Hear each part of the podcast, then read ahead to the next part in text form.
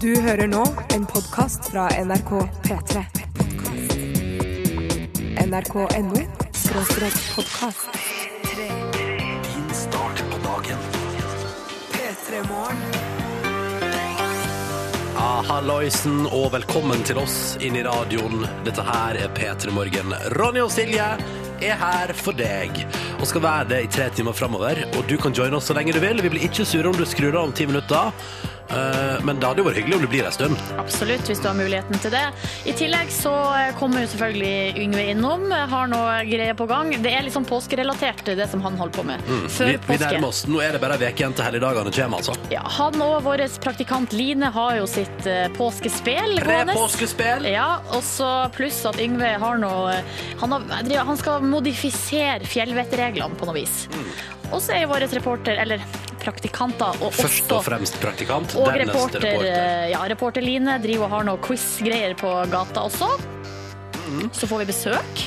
Det, hør, hør når det skjer altså sånn masse. Ja. Hvem får vi besøk av i dag? Vi får besøk av mannen bak Varg Veum. Gunnar Staalesen har altså skrevet 18 bøker om Varg Veum. Det er helt sjukt. Ja, det er helt sjukt. Det har blitt lagd tolv filmer av det.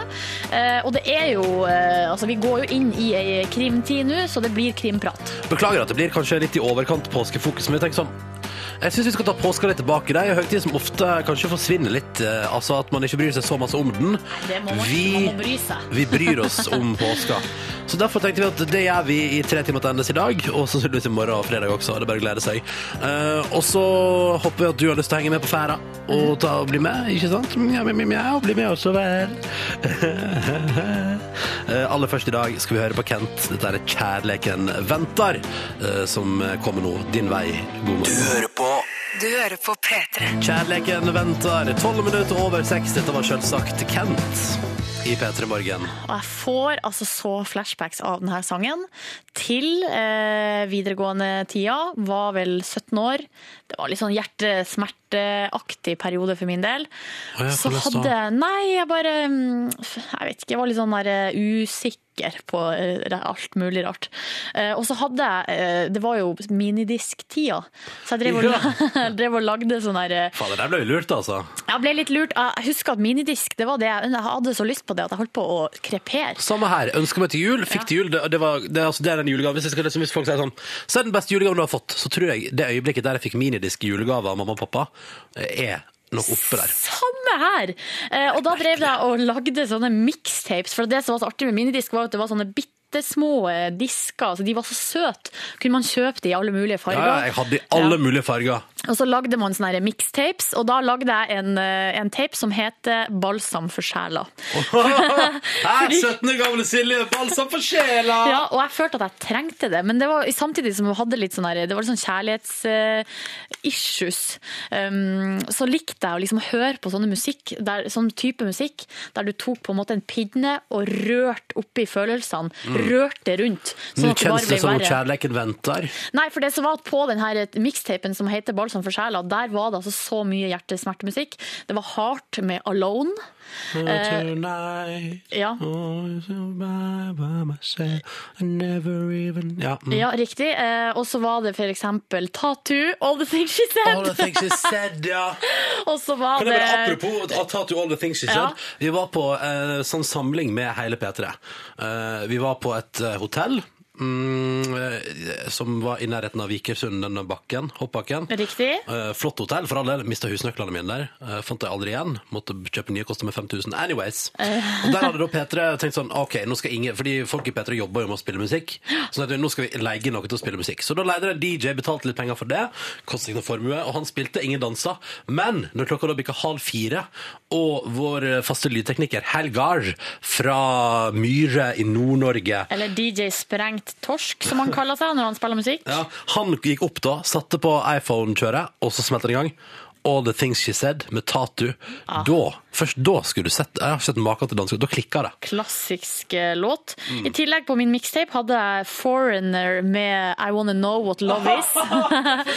altså Det var bare sånne der sanger som eh, på en måte minna meg på hvor utrolig ensom og eh, Viggo jeg var. Men så hadde jeg helt til slutt, da, spor 15 var Kent med 'Kjærleiken venter'. Ja. For da handla det om å bryte ned, bryte ned, bryte ned. Bygg opp! Bygg opp Ja. på slutten.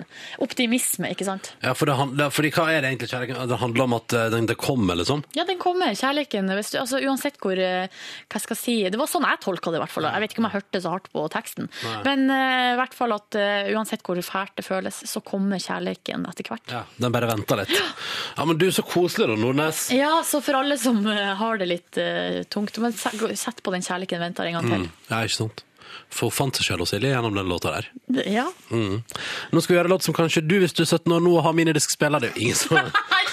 Men skal folk finne eh, seg sjøl gjennom denne sangen? Eh, Nei, men det, kanskje den er oppbygget nok til at hvis du har problemer med å finne deg selv, at du har fått ta deg en liten pause fra det og bare nyte det. Ja, riktig. Eh, vil du si tittelen? Bom, bom, blam, blam, blam! Dette her er Snekka scenen og svær.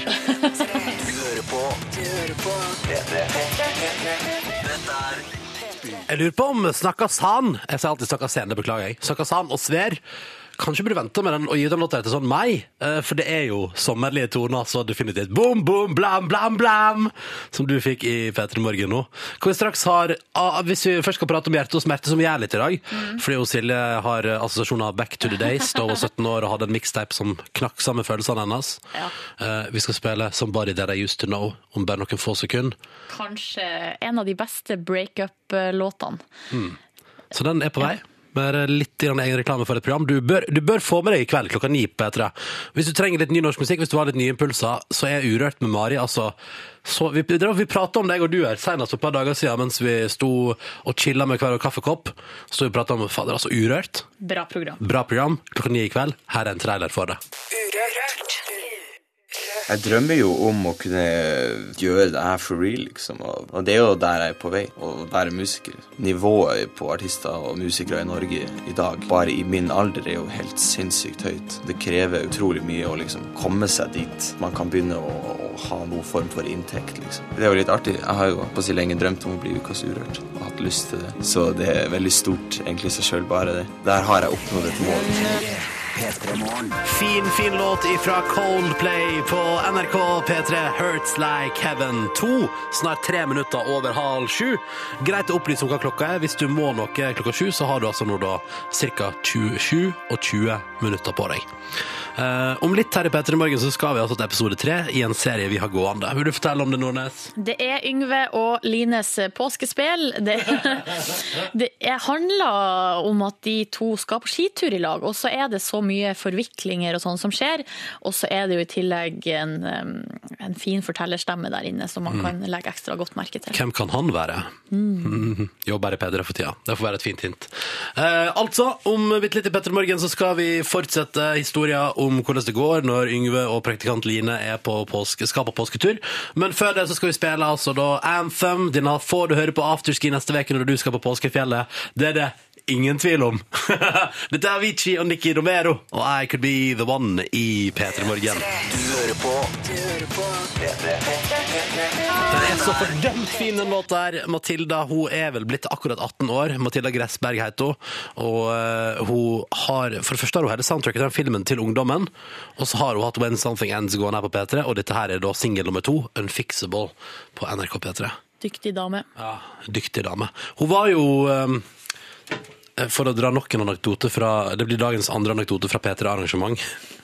Men hun spilte på Hun, på. hun sang for oss på julebordet vårt Det gjorde hun. eh, dukka opp der som en liten sånn surprise. ikke sant, fra Det er jo sånn å bytte på arrangere. De som arrangerte arrangert i år, da. Så kom hun inn der og sang.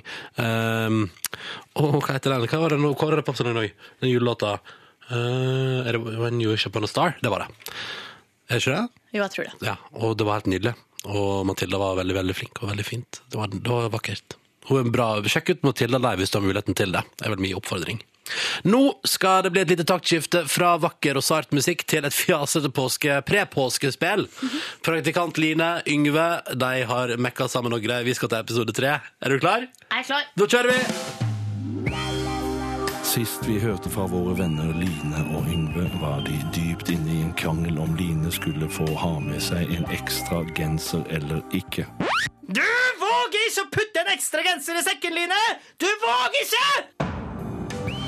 Hvem vil gi seg? Blir turen noe av? Nei, ok, greit. Vi dropper den ekstra genseren. Hæ? Ja, ja, vi kan jo bare dele på den ene. Kanskje bytte på litt? Ja, ja, det kan vi gjøre. Ah, at de ikke har tenkt på det før. Genialt. OK, makeup-hug. Ja. Sorry for at jeg ble så sur, Line. Nei, nei, nei, det er jeg som skal unnskylde. Det er ikke noe å tenke på. Ok, da har vi grepfruktpakka. Yep. Og klærne deler vi på. Ja, supert. Å, det her skal bli en så fin tur. Enig, ass. Og så da tar vi bare med din genser, da. For jeg tror egentlig jeg stort sett kommer til å gå uten genser uansett. Uten genser? Ja, ja, det er vel fint vær, og det er sykt deilig å få noen deilige stråler på kroppen. Du skal ikke gå uten klær på fjellet. Eh, nei, jeg skal gå uten genser for å brune av meg litt. Grann. Skal jeg gå rundt sammen med ei som bare går i BH-en, eller du tenkte jo Ja, er det så farlig, da? Nei da, det er ikke så farlig. Det er bare jævlig horete. Hva faen? Ja, Det blir jo sikkert en kjempefin tur hvis jeg må gå i skam sammen med en naken dame. Ja, men herregud, så sinnssykt gammeldags. Vi skal på fjellet, ikke på byen. Ja, Jeg er ikke så sikker på om vi skal på fjellet lenger, Line. Det her blir for rart.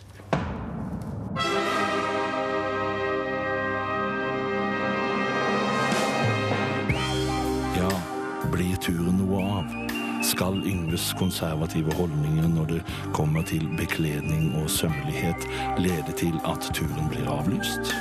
Følg med i morgen. Du hører på Du hører P3. Jeg liker at i dag blir i P3 Morgen, denne, denne onsdagen her, den eh, 20. Blir dagen der både jeg og Silje får høre melodier fra, som har vært liksom avgjørende i vår oppvekst. På et vis. I stad hørte vi jo Kent med 'Kjærleik venter', som du drev og bearbeida sorg med. Da det Ikke var- sorg, Nei, ok, men, jeg, men mer sånn kjærleiks- der, eh, fe- Feilende kjærleiksliv. Ja, bare mangel på kjærlighetsliv var vel det største problemet. Var det det at alle rundt deg hadde kjæreste, og du ikke hadde det? Nei, det var at eh, jeg likte jenter, og så torde jeg ikke å si det til noen. Det var vel det, hvis vi skal koke det ned til noe. Koke det ned til Så var det vel det det handla om. Hvordan hadde, hvis du hadde vært åpen om at du likte jenter, hvor mange, hadde du, hvor mange kunne du liksom spleisa deg med på Hamarøy der? Nei, det er det som Et er utprega lesbemiljø på Hamarøy? Nei. Nei, så det, nei, det er jo ikke det. Så jeg vet ikke. Jeg vet, kanskje det hadde gått helt fint, og at det hadde vært bedre og vært såkalt åpen. Hvis det sitter noen uh, forundra og lurende 17-åringer og hører på oss akkurat nå tidlig en onsdag morgen Jeg tror det viktigste er Herregud, nå blir vi jo helt i uh, juntafil slash lørdagsrådeland. Men kan ikke vi også være der av og til, tenker Jo, vi kan det. Jeg tror det viktigste er at man må gjøre det man sjøl føler komfortabelt. For jeg har tenkt sånn eh, i ettertid, så har jeg tenkt sånn Hvis Det er ikke sikkert det hadde blitt noen negative reaksjoner, men hvis det hadde blitt det, så er jeg ikke sikker på om jeg var tøff nok til å takle det. Så da var det like greit å bare vente litt. Til man eh, var trygg nok i seg sjøl til Ja. Mm, til å eh, være åpen. Når skjønte, du, når, når skjønte, skjønte du Nei, skal vi- skal vi Ja, men- gå ja, men- inn i det? Når, når skjønte du på en måte at du var trygg nok til å bli åpen om det, da? Nei, altfor seint. Da var jeg jo 21 år. Ok, ja. Ja, skjønner dere? Det er triste greier. Nei, nei, det er ikke trist. Det var sånn, det var sånn ditt liv var, Silje. Ja, Mens jeg satt og hørte på Kent, 'Kjærligheten venter'. Men du satt og hørte på The Ark, Ja, ja. 'It Takes a Fool to Remain Sane'. Hva var det du sleit med Nei, da? jeg sleit ikke så, jeg sleit ikke noe spesielt. Jeg sleit med, eller det jeg sleit med, husker jeg, var at jeg liksom lurte på uh, hvem er jeg oppi alt dette her? Uh, denne verdenen som går rundt, og det er høst, og det er rart, og hva er det jeg kjenner på første gang i mitt liv? Er det litt sånn, er det, er det liksom noe som kan minne om en høstdepresjon, at du føler litt sånn nedfor fordi det er høst? Det har jeg aldri følt på tidligere i livet mitt, og hvorfor kommer det nå? Og, og hva er det? Er det, er det liksom fordi skolen er tricky, og fordi det er masse man liksom må mestre? Eller hva, hva er det som gjør til at jeg føler rare ting når jeg hører på The Ark, men det takes a fool to remain sane? Og så kom den der da, og var litt sånn, og mjukna opp litt, sånn, ja, men alt går jo bra. Takes a fool to remain sane, hæ? Ja, men det er jo noe med at når man er 17 år, så er, Jeg var kanskje man- 14-15 da jeg Ja, men i de årene. La oss si fra 12 til 20, da, så er det jo mye tanker Mm. om alt mulig her i livet. Hva skal man bli, og hva skal man gjøre? Og, ja. Og hvis jeg skal liksom se tilbake og tenke sånn, hvorfor ikke bedre i, i etterråd, så tenker jeg at det må jo bli fra meg at eh, alltid, eller i mitt liv har det alltid vist seg at hvis, hvis det er noe du liksom lurer på eller funderer på, så er det å lufte det alltid digg. Ja. Selv om det virker litt skummelt. Men må bare finne riktige personer når du det, så går det bra, det. Ikke sant? Ja, ja. Wow, ok! Der fikk du P3 Morgen Juntafil slash Lørdagsrådet edition. Håper du satte pris på det, og håper at du er klar for å høre på litt eh, Dette her er frekk, deilig elektronisk indie, som i alle fall jeg har på min Spotify, og som gjør meg lykkelig. Og, denne, og nå håper jeg at det er noen kjære lyttere. Håper det er noen der ute som sitter i bil, på buss, eller som er ute og transporterer seg på annen måte, eller går, for denne låta her er sånn typisk sånn Transport, ute- trans- Transportetappemusikk. Transportetappemusikk. Bare hør på dette. Ghost Loft. Låta heter Seconds, og den er veldig, veldig fin. Og du får den på NRK P3. Du, har jeg hørt på et annet radioprogram, eller var det vi, Silje, som hadde diskusjon om hvor gammel Pink var? Nei, hva driver du med nå, da? Jeg spiser kokosboller. Skal vi se. Ett minutt, eh, to minutter på sju.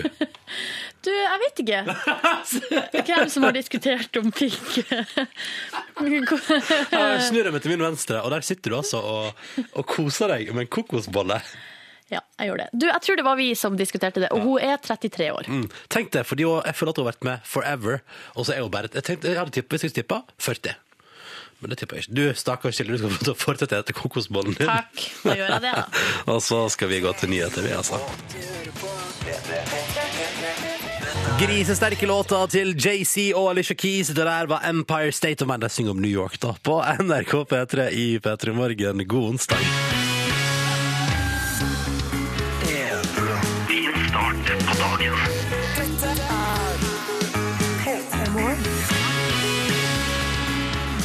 Sju minutter over sju. Hei, kjekt at du hører på oss, og kjekt at du vil joine oss på en uh, sånn flott onsdag i P3 Morgen. Jeg heter Ronny, og Silje sitter rett overfor meg. Det gjør jeg. Uh, og har det fint, eller? Jeg har det kjempefint, for jeg har jo nettopp spist en kokosbolle.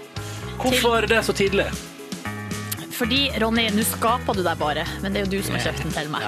Tok med en gave til Silje i dag. Fordi du er så snill og vet at jeg elsker kokosboller, og når som helst eh, på døgnet liker jeg kokosboller. Eh, Du er den eneste jeg kjenner som har sagt sånn Stopp, stopp, stopp! Jeg må Stopp, vent litt nå. Kan jeg bare få kjøpt en kokosbolle først? Du er den eneste jeg kjenner som har levert den setninga i hele mitt liv. Yes. Men, eh, og for- og så sier du sånn Det er fordi det er den sunneste kaka. Nei, vet du hva? Eh, Den, den er ikke og Det er sunne ditt ord, men det er jo den kaka med minst kalorier i. Eh, Men så er det jo også det at den smaker jo så godt. Og så blir man ikke så tung i magen for meg som ikke tåler så mye sånn hvetemel og sånne type ting. Ja, men du, Det er bra. det er bra. Da har du fått kokosbollen din. Jeg pleier av og til å være litt hyggelig, spesielt når jeg har dårlig samvittighet for at jeg for alltid er litt for sein til ting. ja. og alltid kommer litt etter at jeg har lovd at jeg skal komme til avtaler. For sånn er jeg, dessverre. Jeg vet ikke hva jeg skal gjøre med det. Alltid litt Men du tregt gjør ute. det jo godt igjen etterpå i form av f.eks. kokosbolle, så da det får du bare stå sin prøve. Ja. Lett å bestikke. Ja, det liker jeg. det er det, ja. Ja, jeg liker det. Jeg liker, vi kan godt ha den fordelinga at du er lett å bestikke, og at jeg kan bare gjøre det. Det syns jeg er fint. Og du der ute, håper at du får din kokosbolle i dag, eh, eller andre ting som er liksom eh, Som du liker. Som du liker. Håper du får noe du liker i dag av noen som eh, setter pris på deg. Det, hadde jo, altså det er jo den beste tingen man kan eh, Hei, det er jo veldig generelt, og det høres klisjé ut, men hei, hvorfor ikke prøve på det i dag, da? Gi noe fint til noen du liker.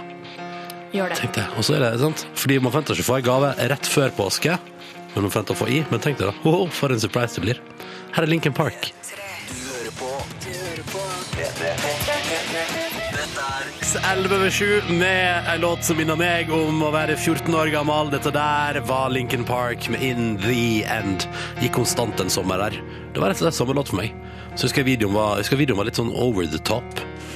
Eh, Hvis du ikke skjønner hva jeg mener, se om du finner på YouTube. det er noe sånn, litt sånn eh, Jeg mener, det var litt sånn litt for storslått. Kom igjen, kan ikke dere bare lage en kul rockevideo?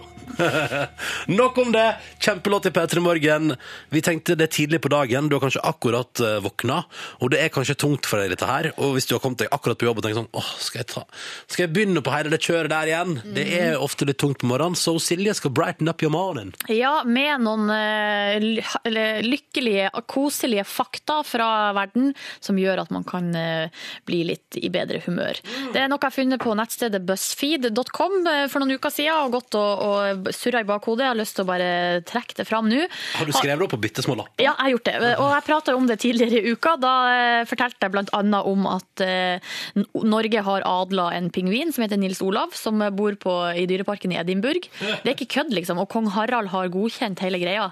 Så vi har rett og slett adla en pingvin. Og så videre var det det fakta at edderkopper ikke kan fly. Den fortalte jeg også tidligere i uka. Ja, det var bare noe vi skulle tenke på, for tenk hvor deilig deilig det å slippe unna at de flyr. Ja, ikke sant? Nå har jeg noen nye fakta som jeg har lyst til å dele med dere. F.eks. at eh, skilpadder kan puste ut av ræva. Nei. Jo.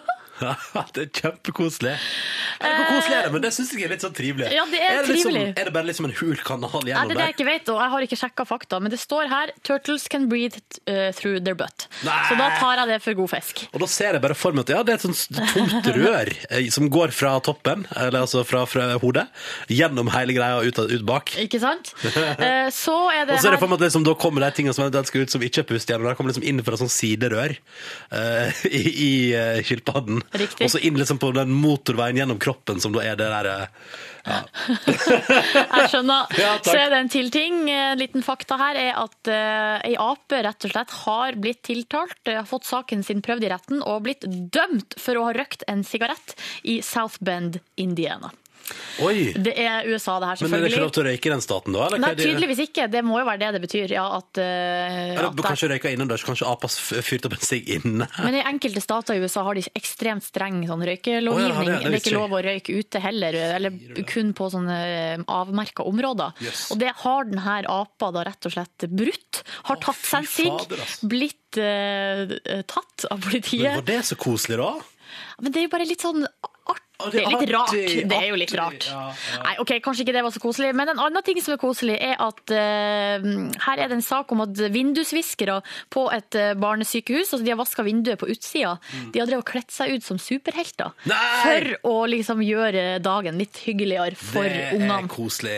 Er ikke det koselig? Og da er det da bilder av liksom en Spiderman som henger utafor vinduet, ikke sant? Og vasker vinduet. Og så står ungene inne da og ser og bare uh, syns at det er koselig. Det, er litt sånn, det kan jo bli litt problematisk hvis de ungene først er på sykehus, og så kommer de hjem igjen, og så sier de til alle de møter sånn Spiderman wash the window of, my, of the hospital der på siden, og så er folk bare Du skal tilbake igjen.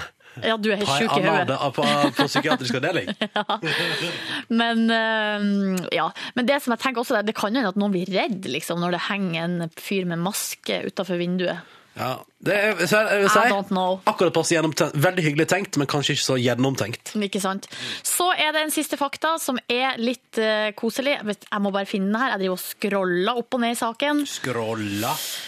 Og så er jo alltid PC-en så jævlig treg da, akkurat når jeg skal gjøre det her. Hei, nå var det så koselig modus her. Ja, ok, nei, ta det koselig. Jeg, skal, jeg kan gjøre to ting samtidig. En eh, siste koselig fakta er at rotter, eh, de her, altså det er dyre rotter som vi, eh, syns Ja. kan, vi kan synes er litt ekkel. Enten syns du det er dritekkelt, eller så har du det som kosedyr. Ikke sant? Eh, rotter, de eh, flirer når de blir kilt. Jo, det er sant. Hvis man, det har noen forskere funnet ut, at hvis du liksom kiler rotta, så kommer det en sånn lyd som høres ut som latter. Tuller du med meg? Skal vi høre på det? Ja, har du lyd av det? Ja. Det er en forsker som forteller først hva han gjør, driver med her. Ok.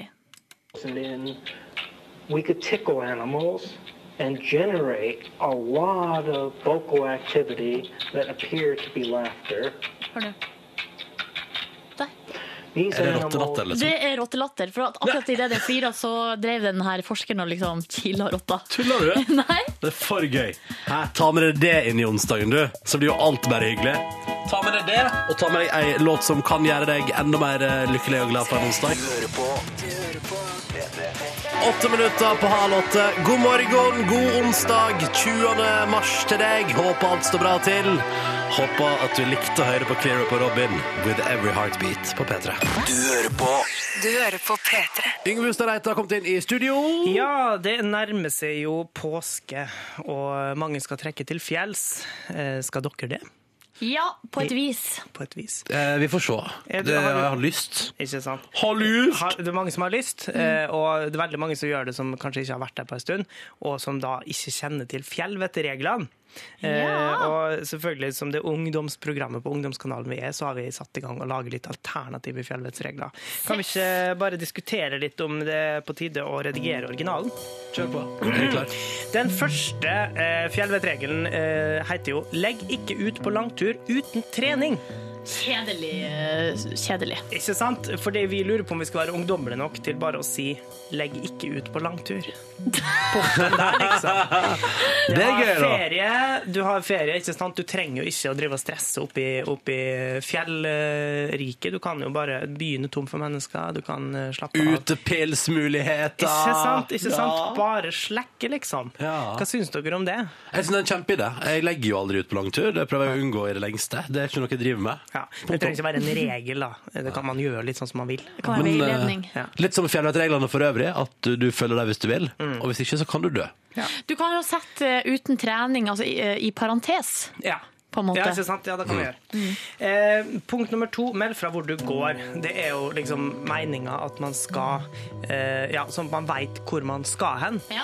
Men la oss være ærlige, det er jo det vi egentlig lever etter. Er meld fra på sosiale medier. Ja, ja, ja, ja, Hvor du ikke går, men har vært. Ja, ja, ja. Ikke sant? For da kan du hvor langt du har gått, og hvor rått det var, hvor mange, ja, hvor mange kilometer du har eh, lagt etter det, og hvor god mat du f.eks. har laga. Jeg syns vi skal vedta den. Les den en gang til sånn offisielt.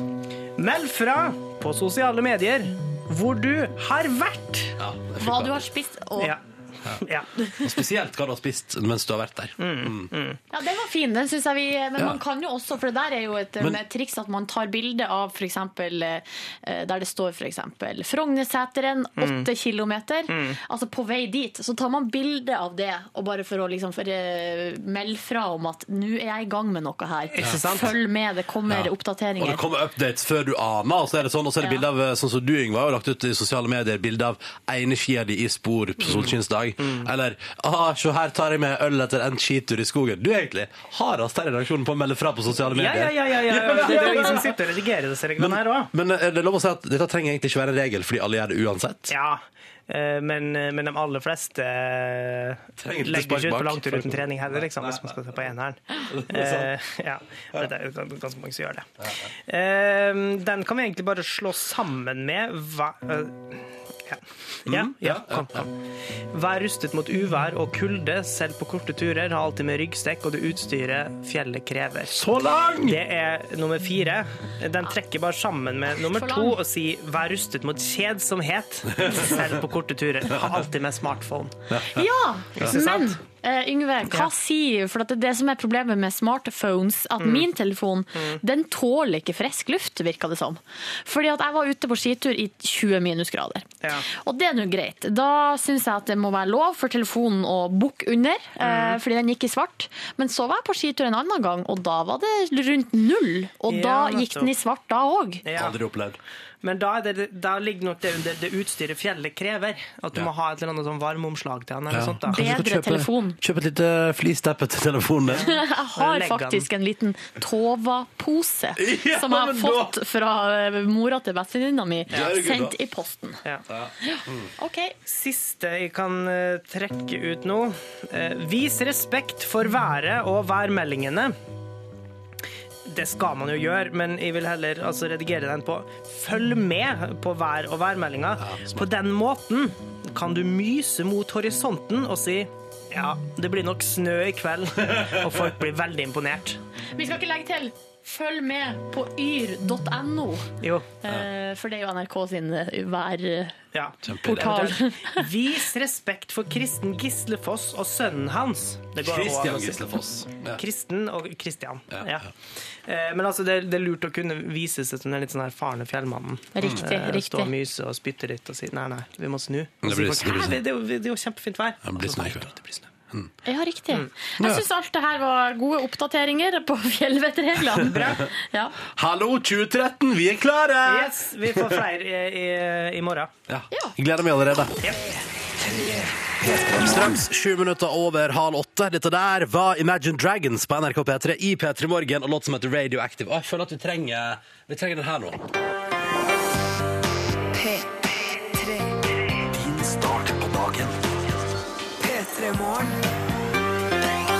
Ronny og Silje her inne i radioen din denne onsdagsmorgenen prøver å gjøre den litt grann hyggeligere for deg å, å være med på. Og starte med. Og det er veldig hyggelig å få lov til det må bare få lov til å understreke at det er stas at vi får eksempel ta del i det du gjør på badet hver dag. At du har oss som selskap der. Absolutt. For det er litt sånn holy. Altså, hvis jeg altså, går på do og dusjer og pusser tennene og sånn, Det jo ikke, jeg slipper jo ingen andre inn der, men radioen den kan få være med, og det syns jeg er hyggelig. Og så er vi ved frokostbord rundt omkring i det ganske land, og i en annen bil. Hallo til alle i bil. Hallo, og så har vi fått eh, dokumentert at vi er med folk i båt òg, og til og med helikopter. Ja. Hei til alle som er ute i forskjellige transportmiddel. Hei til alle som allerede er kommet på jobb, og som er fryktelig godt i gang. Bakeri der ute, alle som driver med håndverk og som skal skape noe fysisk i dag. Det er hyggelig at dere hører på. Og de som kjører rundt i biler og skal noe sted, eller de som skal hente eller bringe noe, eller ja, uansett. Og hei til alle som skal eh, studere nok en dag, som har nok a day in a life of a student. Eh, Eller elev, da. Fortsatt student på engelsk, tror jeg. Vi får straks Nei, det er besøk. pupil. Pupil er det, Er det ikke det? altså. Hvis du er elev, på en måte, før du begynner. Så lenge er det siden jeg var elev at jeg har glemt det sjøl. Ikke sant? Du, vi får straks besøk i P3 Morgen av en, jeg vil si, legende. Ja, vi får besøk av en eh, norsk forfatter som har altså skrevet utrolig mye. Eh, Men det som kanskje er aller mest kjent, eh, i hvert fall for vår generasjon, er jo Varg Veum. Det er privatdetektiven som har blitt filmatisert med Trond Espen Seim i, hovedrollen. Hele tolv filmer har det, har det blitt med Varg Veum. Hele 18 bøker har Gunnar Staalesen skrevet. Det er krim, og da passer det jo bra, da. Nå like før før eh, krimmens Påske. eh, høytid, som er påska. Mm, ok, Om et par minutter møter du Gunnar Staalesen, forfatter og krimlegende i P3 Morgen. Aller først Rihanna og en god gammel en. Her er Pond Replay.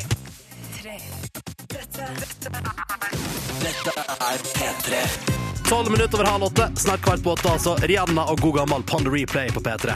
P3 Morgen har fått besøk. Gunnar Staalesen, velkommen til oss. Takk for det. Eh, nå, eh, det er veldig hyggelig å ha jeg det, det er ikke full krimprat her nå, føler jeg. Når vi er inne i krimmens verden. ja. Um, hvordan er en vanlig dag for en krimforfatter?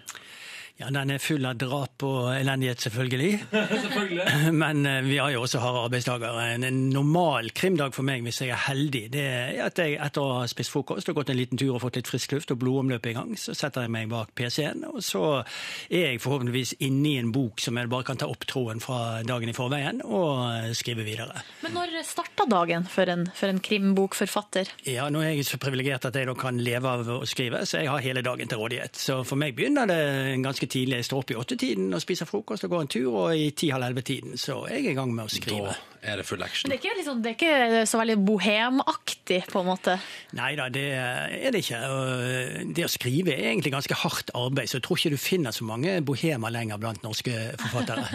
Men det, I hvert fall ikke vi som skal leve av det. Nei. For det det har jobb, rett og slett. Ja, altså Det å skrive en kriminalroman er jo på mange måter et håndverk. Eh, Du har laget et synopsis, en plan for hele eh, boken. og For meg tar det da faktisk de siste bøkene har tatt akkurat et svangerskap, altså ni måneder, å skrive den fra eh, første side til siste. Eh, Og, men nå er jo jeg må jo være ubeskjeden nok å si relativt ettertraktet i Bergen som kåsør, som byvandrer. Eh, Jeg blir intervjuet mange ganger, så det er veldig få dager at jeg har en hel dag bare til å sitte i ro og skrive. Det er egentlig et privilegium å ha gode skrivedager. Så, så jeg blir, ofte, ofte, øh, blir veldig ofte avbrutt i løpet av dagen. Ja, så kanskje hatt mer sånne rene dager. Ja, altså det, jeg hadde nå en uke rett før påske som var helt blank hele uken, og det var virkelig et godt syn å se. Da hadde ingen avtaler hele uken og kunne faktisk bruke hele uken til å skrive. Så deilig. Så deilig.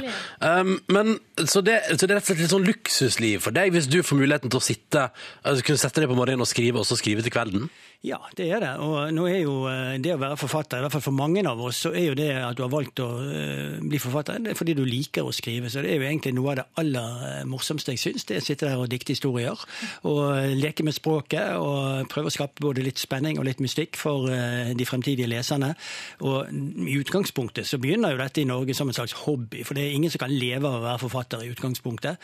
Og det å kunne gjøre da hobbyen til et levebrød, det, det er jo et privilegium. Men når begynte det her for deg? For du har skrevet, skal vi se, 18 bøker og 7 tegneserier.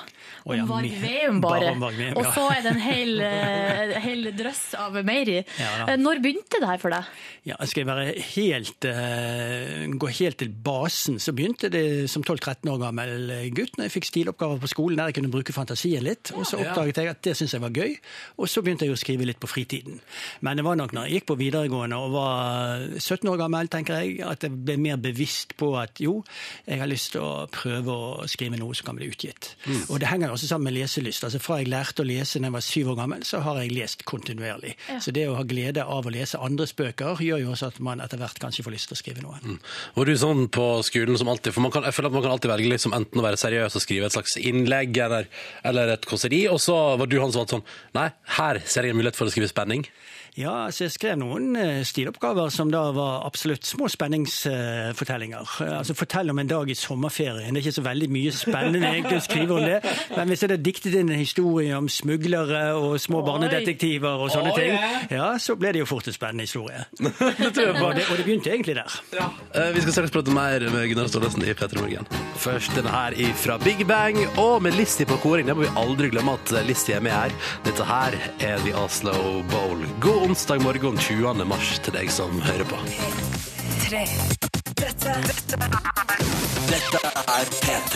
Krimforfatter, jeg vil si krimforfatter, eller forfatterlegende Gunnar Staalesen er på besøk hos oss i P3 Morgen i dag, eh, og det setter vi veldig pris på.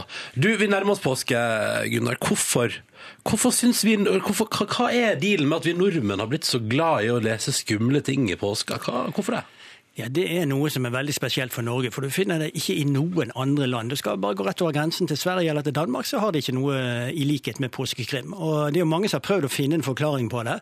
Eh, Og jeg tror nok at den enkleste forklaringen det er det at det finnes heller ingen andre steder i verden der de har så lang påskeferie som i Norge. Nei, og, og krim er ferielektyre. Sant? Og dette går jo helt tilbake til mellomkrigstiden. Slik at, eh, og da var det jo ikke så lett tilgjengelig å komme på fjellet som det er i våre dager. Da eh, tok man toget et eller annet sted, og så gikk man av toget, og så gikk man på ski to timer innover og før man kom til den hytten man skulle, eller det pensjonatet man skulle kanskje. Og da skulle man ha noe å lese med. Der var det ikke radio eller TV, så man skulle ha noe å lese på kveldene. Og da tok man med relativt lette bøker som man kunne ha i ryggsekken, og som heller ikke var så veldig viktige sånn litterært sett, sånn at de kunne man bare legge igjen på hytten når man dro ned igjen. For den gangen var jo ikke krim ansett egentlig på samme måte som i dag. Og Det betyr at rundt omkring i fjellheimen i Norge så finner du noen helt fabelaktige krimbiblioteker. da, Ja, for der ligger det igjen. gamle hyttene. Men jeg regner med at Varg Veum, for det er jo din karakter, at han eh, er ditt eh, hjerte nær. Men hvilke andre karakterer er det du liker innenfor krimverden? Ja, nå har jeg lest krim fra jeg var barn av, og det begynte jo med Sherlock Holmes, da, den virkelig Ja, ja, første ja. store detektiven. Han var jeg veldig fascinert av. Og Har du, har du sett den nye filmen? Sherlock Holmes-filmen? Ja da, Hva ja, syns du? sett det. det er jo litt mer action da enn i altså Ja. den, den eh, fortellingen. eh, Sherlock Holmes er jo en, eh, er jo en intellektuell uh, grubler og en som analyserer spørsmål, men her går det jo høyt og lavt og opp og ned, så det er ganske langt egentlig fra den originale Sherlock Holmes. Ja. Men Sherlock Holmes i fortellingene det, det er bare, ja, Sist sommer leste jeg en del av de uh, tidlige fortellingene der på nytt, og de, det imponerte meg. altså Det er faktisk veldig godt skrevet og veldig gode fortellinger, så det, det kan jeg anbefale på det varmeste. Men ellers har jeg lest alt fra Hercule Poirot og Miss Marple hos Agatha Christie opp til mine mest tydelige forbilder er jo da noen amerikanske privatdetektiver. Philip Marlowe hos Raymond Chandler, Lou Archer hos Ross MacDonald. Uh, og så har jeg jo, eh, jo opp da i den perioden når Sjøvald og Vale og det store svenske forfatterparet begynte å skrive moderne samfunnskritisk krim. Og alle vi som skriver krim i Norge i dag, vi befinner oss nok litt i kjølvannet av Sjøvald og Vale. Men, men tror du at Fordi Norge er jo på en sånn bølge der altså, norsk krim er jo ekstremt populært også utenfor landegrensene. Er det påskekrimmen og det at krim har fått en sånn sånn, si, sånn kultstatus i Norge som gjør til det, tror du? Ja, det er et eh, veldig interessant fenomen dette, at i hvert fall skandinavisk krim eh, er blitt veldig populært. Og vi må nok være eh, ærlige og si at det er svenskene som eh, har vært aller mest populære. da, og eh, Så har det smittet over på en del både nordmenn og dansker etter hvert. sånn at i, i, ute i Europa så snakker man jo om noe de kaller nordic noir, altså nordisk oh, nordisk krim. eh, Og da slår de jo alle disse landene sammen. Men eh, vi diskuterte, diskuterte dette nettopp med et par svenske kolleger, og vi må jo være håpe at det rett og slett er kvaliteten på nordisk krim som gjør at den blir så populær. At, eh, at vi er inne i en bølge nå der det rett og slett skrives ganske mye god krim i Norden, og at dette har man også oppdaget eh, nedover i Europa. Og for så vidt, eh, i hvert fall når det gjelder Jo Nesbø og enkelte andre, over dammen også. Men du, eh, du sjøl sitter jo Har du uttalt eh, sent i fjor til NRK at eh, du, du sitter på et par Det ligger et par nye Varg Veum-bøker i, i emning hos Ja, da, altså, jeg har vært uh, så heldig at jeg aldri har hatt noe som ligner på skrivesperre. Så når, når jeg er ferdig med en ny bok, så ligger det stadig noen nye ideer i bakhodet. Og nå jobber jeg akkurat i øyeblikket med et teaterprosjekt, for jeg liker også å veksle mellom teater og eh, bok. Eh, Mm. Men fra august-september av, tenker jeg, så skal jeg i gang med en ny Varg Veum-bok. Du har planlagt døden hans? Ikke i detalj, det har jeg ikke. Jeg har tenkt å leve med han ganske mange år ennå. Og, eh, Så jeg har ingen planlagt død, men jeg har en reserveløsning hvis jeg skulle bli så gammel. Og, fordi Varg Veum er jo da fem år eldre enn meg, og når jeg da, eh, hvis jeg sitter og skriver bøker når jeg er blitt 80, og jeg har en privatdetektiv som da er 85, så er det mulig at det er på tide å pensjonere han på en eller annen Ja, måte. Men det, det får vi ta når sånn kommer. Men liker du Varg Veum som Ja. person? Ja da.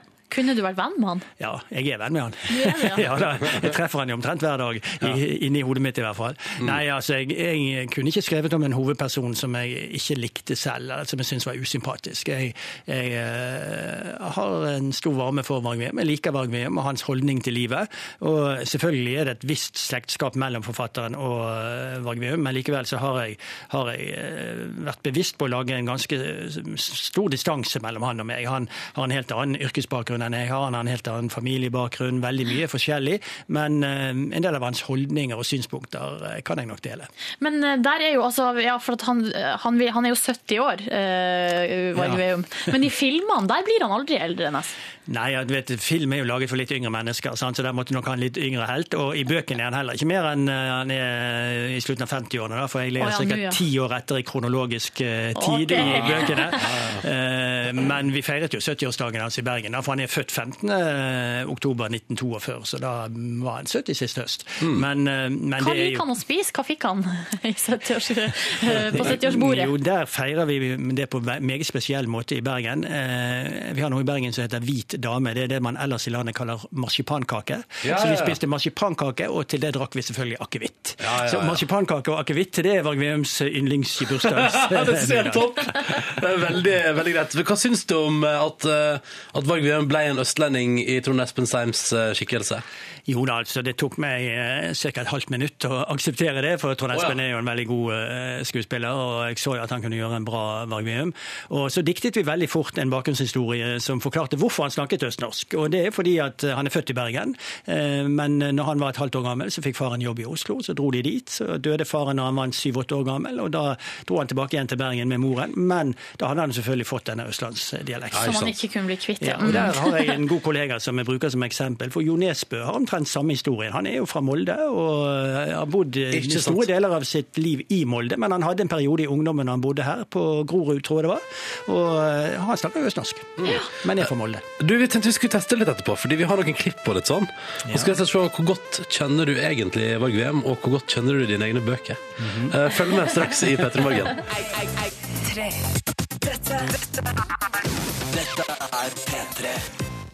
Snart seks minutter over åtte på NRK P3. Dette er og Taylor Swift, I Knew You Were Trouble. God morgen. Gunnar Staalesen er på besøk i P3 Morgen. Krimlegende.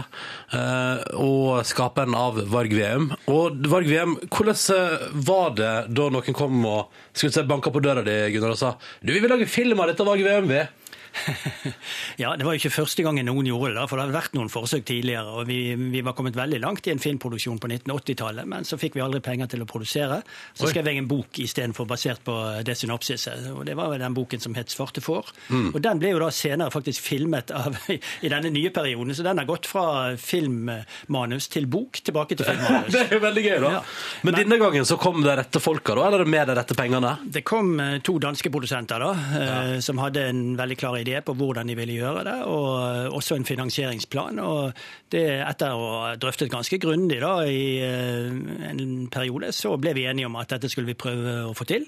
Og så var det bare å sette i gang. og Da var det jo et stort prosjekt med å finne eh, instruktør, finne hovedrolleinnehaver eh, og skrive manus etter hvert, som så ble bearbeidet. Det hadde jo ingenting med å gjøre, det var andre som skrev manus. Du har Så- holdt deg litt, du holdt litt utafor på det filmet? ja, jeg har prioritert å skrive nye bøker. Ja, så kan Men det det bli har, filmer. det har kommet tolv filmer eh, basert på dine bøker. Og nå tenkte vi at vi skulle rett og slett sjekke hvor god, eh, hva skal jeg si, hvor god, eh, godt kål du har på, eh, på filmene, rett og slett.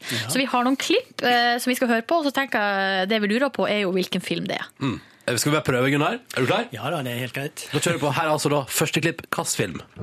Kan du sjekke fly, båt, tog Ikke buss. og buss? Det er ganske vanskelig. Ja, jeg husker jo eh, husker den eh, sekvensen der, ja. Men eh, dette er jo da ikke mm, tatt fra bøkene. Det er, så jeg må innrømme at jeg klarer vel ikke helt Jeg, jeg satser på at det er den første 'Bitre blomster'. Det er fra Kalde hjerter. Det var fra Kalle. Oi! Den aller siste. Ok, Lengre Lenger fra kunne jeg ikke komme. Det er topp. Vi prøver, vi prøver en til. Jeg finner ikke døde folk hver dag, Hamre. Det er din jobb. Lystig type. Den kunne vært i hver eneste film omtrent. Uh, nei, det blir, det blir ren gjetning. Uh, 'Kvinnen i kjøleskapet'. Tornerose sov i 100 år. Ja ja, det blir vi null poeng så langt. Vi prøver en til. Ja. Jentungen er borte på fjerde døgn, og det er så spesifikt som det blir. Skal dere ha mer, så får dere dikte. Det kan dere jo. Ja, det, mm, det må jo være 'Bitre blomster'. Det er Bitre blomster, ja! Ja, ja, ja. Eh, For der var det litt mer å gå på, Ja, da. ja, det var den forsvinningsnummeret der. som- Ikke sant? Jeg skulle til å si, for det er vel kanskje, det er vel kanskje generelt at jeg sjekker, sjekker busstid, eller ikke busstid der. Ja, det, Du, mens vi er i gang her, vi prøver oss på en til, da, Ja, Gunnar. Vet du hva jeg tror? Jeg tror at det er en teori som passer deg jævlig bra. Oi, her var det det, et drama. ja.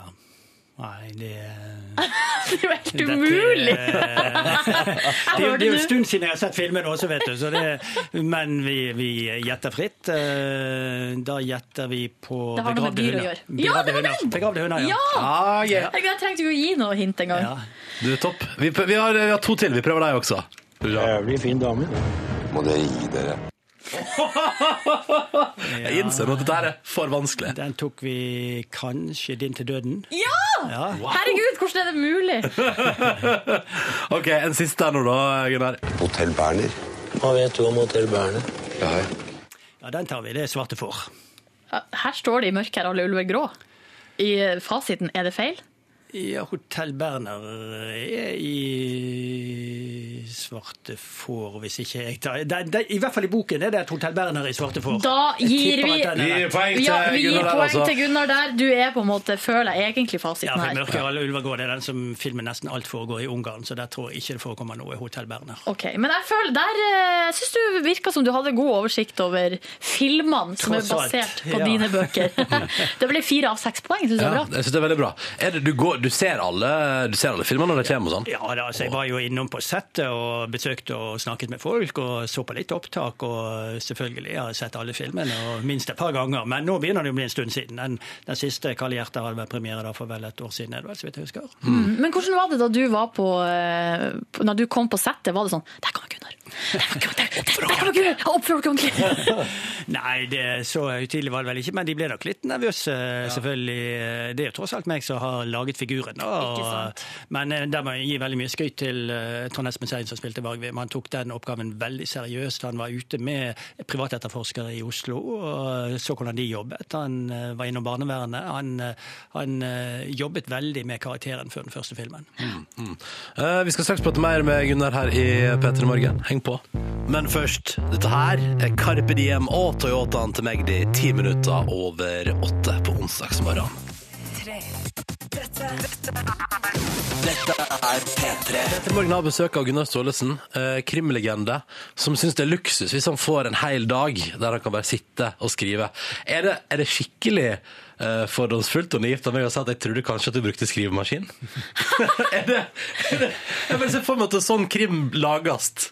Ja, altså Jeg brukte jo skrivemaskin i mange år, og jeg har jo holdt på å skrive krim i 35 år. Så når jeg begynte, så hadde jeg vel ennå en uh, liten reiseskrivemaskin. Og så eh, ble det jo etter hvert en elektrisk maskin og en elektronisk, og til slutt ble det selvfølgelig PC. Det er det vi sitter og jobber med i dag. Men pleier du å, å, Har du liksom et fast skriverom, eller liker du å gå, eller ta med deg uh, maskinavplasser for å skrive andre plasser? Nei da, jeg har et kontor hjemme, og der har jeg alle mine oppslagsbøker eh, tett for eh, hånd. Og, og jeg liker best å sitte hjemme og skrive. Hva er det du slår opp i oppslagsbøkene?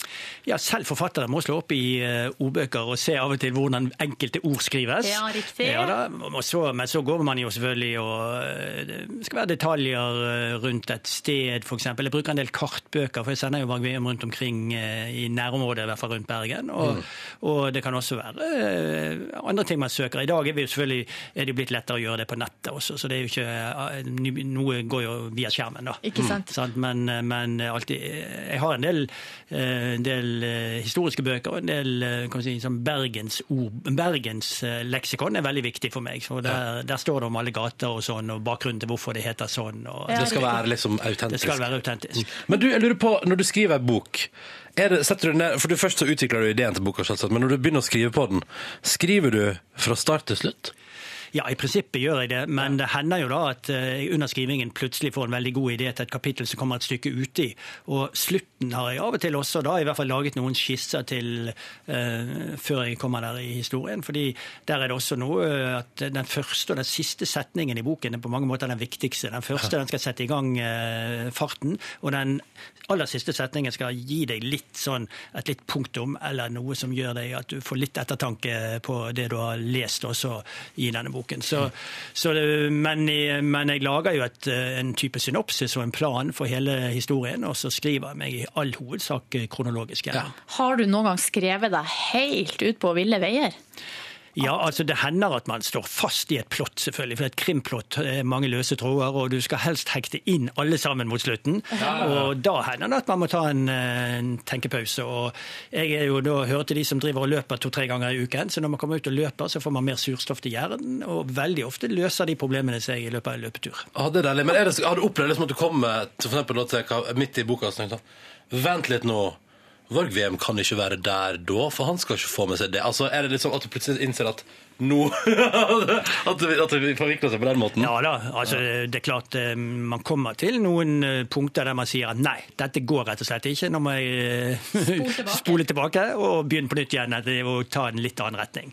Eh, Det må man gjøre, og det har jo hendt et par ganger at jeg da har endret eh, skyldig person i løpet av skrivingen. Det? Fordi det viser seg da et stykke ut i boken når de begynner å få kjøtt og blod, disse personene, at det er likevel mm, mindre sannsynlig at den personen skulle ha utført de tingene som jeg planlegger han eller hun skulle gjøre. Han hotellresepsjonisten som virka skummel, han var faktisk skummel likevel! Ja, ja. Ja, eller at liksom den planlagte morderen, eh, skal vi si sekretæren, da, hun var jo dødshyggelig, finner du ut etter hvert. Så hun kan jo ikke drepe noen. Nei, nei og det, det er spesielt noen av disse femme fatalene, da, de skjebnesvangre damene, Ja, ja, ja. som da plutselig kanskje endrer litt karakter i løpet av skrivingen. Og da har det hendt noen ganger, som sagt, at jeg har skrevet om, eh, eller skrevet en ny slutt i forhold til den jeg hadde planlagt. Riktig.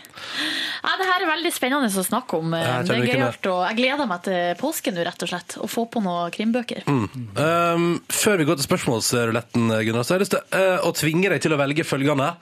Uh, til alle som nå skal på påskeferie neste uke, og som uh, skal ta med seg noe god, lettlest krim som du ikke har skrevet. Hvilken bok går man og kjøper da?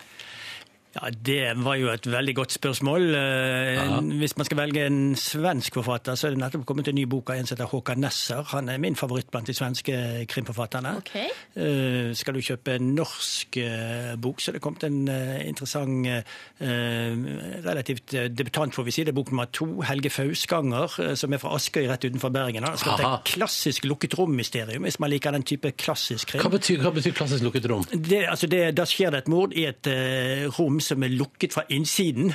Eh, eller det er en person Ja. som forsvinner gjennom eh, veggen eller hva det er, på et, lukke, på et rom som er Men- hermetisk lukket. Er ikke det sånn typisk sånn høyfjellshotell, du er innesnødd, Ja. og så skjer det et mord, og da må det være Jo. en av de som er der, eller? Ja, ja, eller enda mer ekstremt her, for her er det også helt umulig at uh, altså, her, her er det rett og slett et, li- at en person forsvinner fra et hermetisk lukket rom. Forsvinner i løse luften. Hvordan har det skjedd? Altså virkelig, eh, altså John Dixon Carr er den forfatteren som skrev veldig mange av den type krim eh, tidligere. Så finnes det veldig mye bra eh, samtidskrim i, i Norge. Asle Skredderberget, Thomas Enger. Det var vanskelig å være lei. Ja, ja da, nei, det er bare, her er det bare å velge i øverste hylle. Men hvis vi skal tolke, hvis vi skal trekke ut ei, så den nye til han, han Nesser fra Sverige, Ja. den tar vi med på fjellet. Den tror jeg Hva heter boka? Ja, hva heter den? Det må jeg ærlig talt si at det husker jeg ikke i farten. Men kan du spørre, skal ha den nyeste til Håkan Nesser. Mm, Ja. Så tenker jeg at det ordner seg. Da skal vi til vår spørsmålsrulett. Og det betyr tall, Gunnar. Skal vi se. Og øh, Bakebåndet full av lapper. Jeg er litt spent. Alltid når vi har voksne gjester, så blir jeg litt spent. Voksne gjester har du. Det er lov å si det. Her har vi fem. Fem, ja. Ok, Fem. det er greit. Da skal, du få, øh, ja, da skal du få spørsmål nummer fem i vår lett. Her kommer det. Hva er det mest overnaturlige du har opplevd? Oi. Vi skal dit på tampen. Ja, det var jo eh, For jeg hører til de som da eh, alltid har sagt at jeg tror ikke på spøkelser eh, før jeg ser et selv. Og det har jeg aldri gjort. Har du ikke det? Så jeg tror faktisk at mitt svar på det er at jeg har aldri opplevd noe som jeg vil definere som eh, overnaturlig. Men du har aldri opplevd noe avna, litt sånn rar tilfeldighet som bare jøss, hvordan går det an?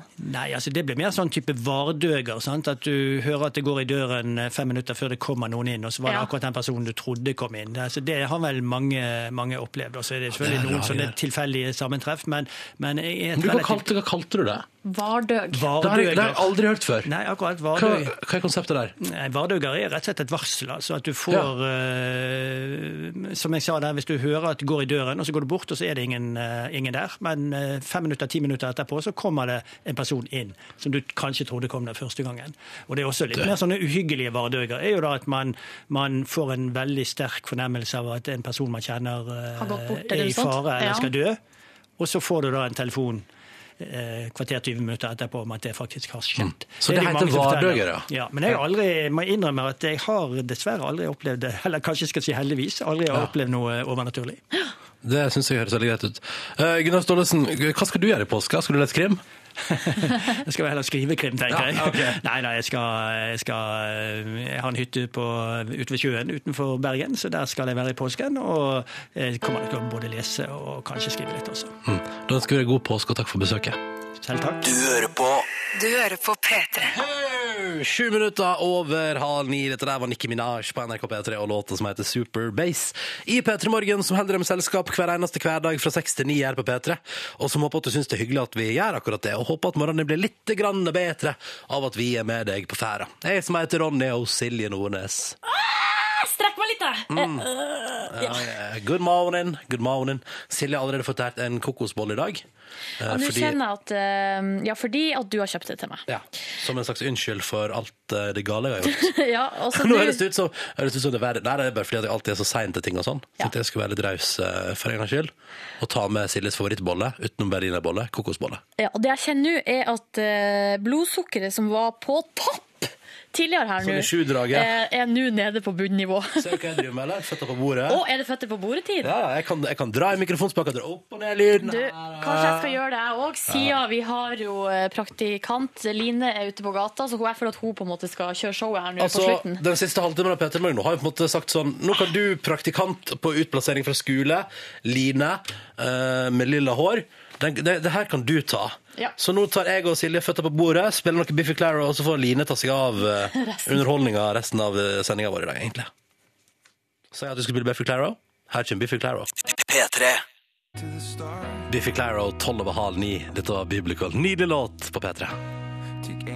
God morgen. Dette er P3 Morgen. Jeg heter Ronny, og Silje Nordnes er her. Um, alt vel med deg, Silje? Oh yes! Oh, jeg er litt yes. tørst, så jeg tror jeg skal ta meg litt vann. Kan jeg det? Ja, ta litt vann. Jeg liker Silje har alltid med seg en fin blå sekk. Eh, med vann i. Ja, Men du er alltid med den sekken. Hvor enn du går, så er Silje der med sekken sin.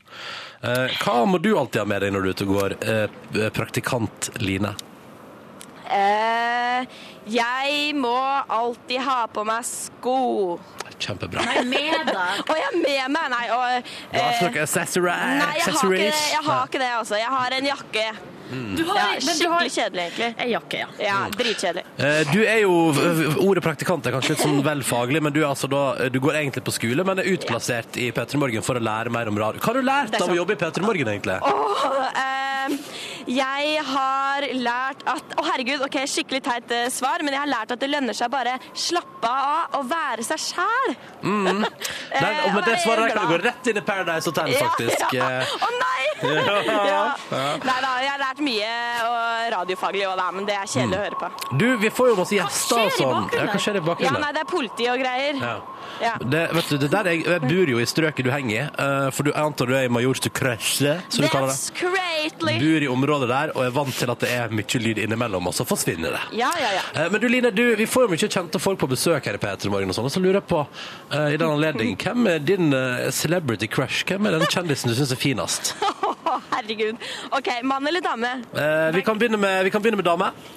OK, finest. Ja, liksom du er mest eh, Ja. Som du får kribla mest Skal- i magen av å møte. Skal vi. Se. Å, herregud. Eh, Eh, OK, finest Altså vakrest som menneske og flottest så syns jeg Christine Koht. Men jeg har aldri møtt henne så jeg vet ingenting. Jeg bare syns hun er så kul.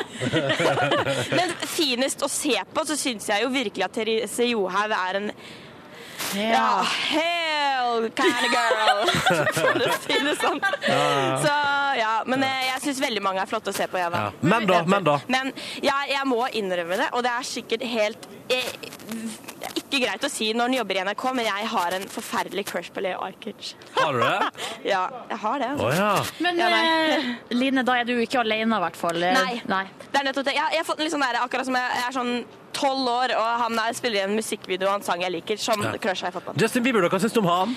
Ja, men han er så pjokkete! ok, han er så liten. Ja. Det er forskjellen på deg og Silje, det. Ja. I hovedsak. Jeg liker de barske mennene som er sånn Ja. rappkjefta. Jarle Andøy noe for deg? Ja, herregud, Jarle! Han hadde jeg glemt! Ja, ja, ja, ja, ja. Jarle, Jarle er faktisk nummer, nummer én. Ja, Og så Leo på et Faktisk. andre, da. Ja. Men Line, hva gjør du ute i dag, da? ja, jeg eh, Det nærmer seg påske.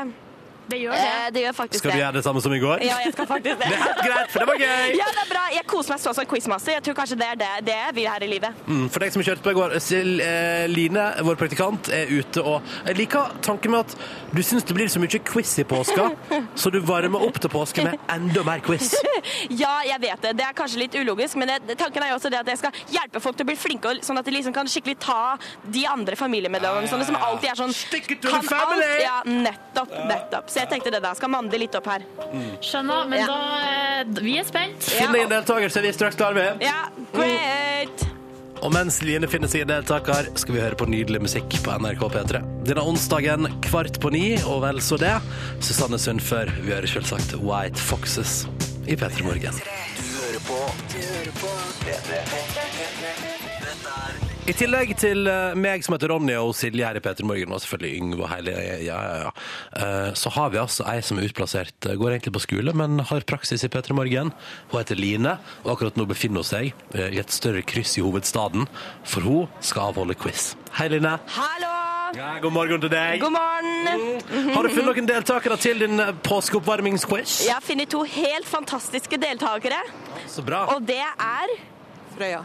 Og, og Britt. Frøya og Britt de er klare for quiz. Og. Frøya har på seg et veldig fint fargerikt skjerf her. Hva gjør de i- nede i krøsset? Ja, Hva gjør dere nede i Majorstua-krøsset her i dag? Ute og skal gå på tur i Frognerparken. Åh. Og spise lunsj. Åh, ta seg en det lunsj. vet flott du. ut. Ja, nå skal de kose seg der, da. Ja, er Spør, det- er spør det- hva som er bekjentskapet der. Altså. Hva- Ja, hva, hva, hva slags relasjon har dere? Til Hverandre? Vi er venner. Dere er venner. Så hyggelig. Vennequiz, er dere glad i quiz? Både òg. Både òg. Klart. Kjempeflott. Er det fortsatt politiet som er det Hva Ja, er det som det er politiet. Det er noe greier. Nei, nå Ja, det er politiet her, ja. Ja. Ja. De får bare styre på i bakgrunnen, for Ja, vi vi har quiz å gjøre. Vi har quiz. OK, er dere klare? Ja. Hva heter Norges nasjonalfugl? Fossekallen? Ja, helt riktig! Fikk du med deg at jeg kunne det? Line? Fikk du med deg at jeg kunne det? Ja, det kunne vi. Hva står forkortelsen NAF for? Og her får dere svaralternativer. Norges avløpsforening, Norges automobilforbund, Norske alternative folk. Det er nummer to. Som er Norges Automobilforbund. Ja, helt riktig! Ja, du er veldig bra! Dere er veldig gode på det her. Ja, dere er det. Og Britt er veldig sikker der. Ja, Britt er veldig sikker. Ja, veldig. Ja. OK, er dere klare for neste spørsmål? Ja. Spørsmål nummer tre. Hvor gammel ble verdens eldste gullfisk? Vil dere ha svaralternativer? Blei den 43 år, blei den 12 år, eller blei den 32 år? Jeg setter 32, jeg. altså. eldste gullfisk. 32, tror jeg. Har ikke peiling. Svar avgitt? Tror jeg kan det. Nei, jeg er ikke 100 sikker. Ja, Men jeg sier 32. I, det ble litt feil! Den blei faktisk 43 år. Ja, og den het Tish, og den døde i 1999. Ja. OK, er dere klare for siste spørsmål? Hva slags genser har du på deg i dag? Har eh, genser fra Gudrun Sjødén. Stripete. Oransje? Ja, oransje og rosa og turkis. Alle Oi. farger. Oi, oi, oi, oi, Fargerik. Vet du hva? Det var veldig riktig svar. Hva, og hva slags eh, genser har du på deg? da? Jeg har bare på meg en blå genser. Jeg. En Litt sånn kjedelig blå Ja. genser. Britt har blå, Frøya har fargerik. Jeg vil nesten si at du kan bare begynne å kalle henne for fargerike Frøya. Ja, fargerike Frøya vil det at vi skal kalle det. Men var det riktig, Line? Ja, vet du hva? Det var faktisk riktig alt sammen. Yeah! Dere vant quizen! Bortsett fra det med gullfisken. Bortsett fra det med gullfisken, ja. Men, vi men eh, vet du hva, den kompenserer, eller den fargerike frøya kompenserer for den fisken. Det er veldig bra. Kjempebra. Veldig god innsats. Ja, Dere får faktisk premie også. Dere får en eh, T-skjorte som det står 'Good Times' på. Hva syns dere om det? Skal vi ta den på deling, eller? Nei, dere skal få en hver. Å, så bra. Ja, men det trenger vi gode tider. Ja. Flott. Takk. Gode kan, gode tider. Da kan dere matche også, hvis dere skal på byen eller sånt. Ja. du er veldig søt, da. Herregud, så hyggelig! Nå legger hun an på deg, Line. Ja, Kan jeg bli med på lunsj? Ja, det kan du. Takk! Å, takk! Det var fantastisk! Bra innsats, dere. Veldig bra innsats. Bra innsats eh, til Takk deg. Line. Ja, takk, Line, for deltakelsen i radioprogrammet Petter i morgen. Ha det bra! Ha det bra! God lunsj! God lunsj! Du hører nå en podkast fra NRK P3. Hent flere podkaster fra NRK på nettsiden nrk.no podkast. NRK P3.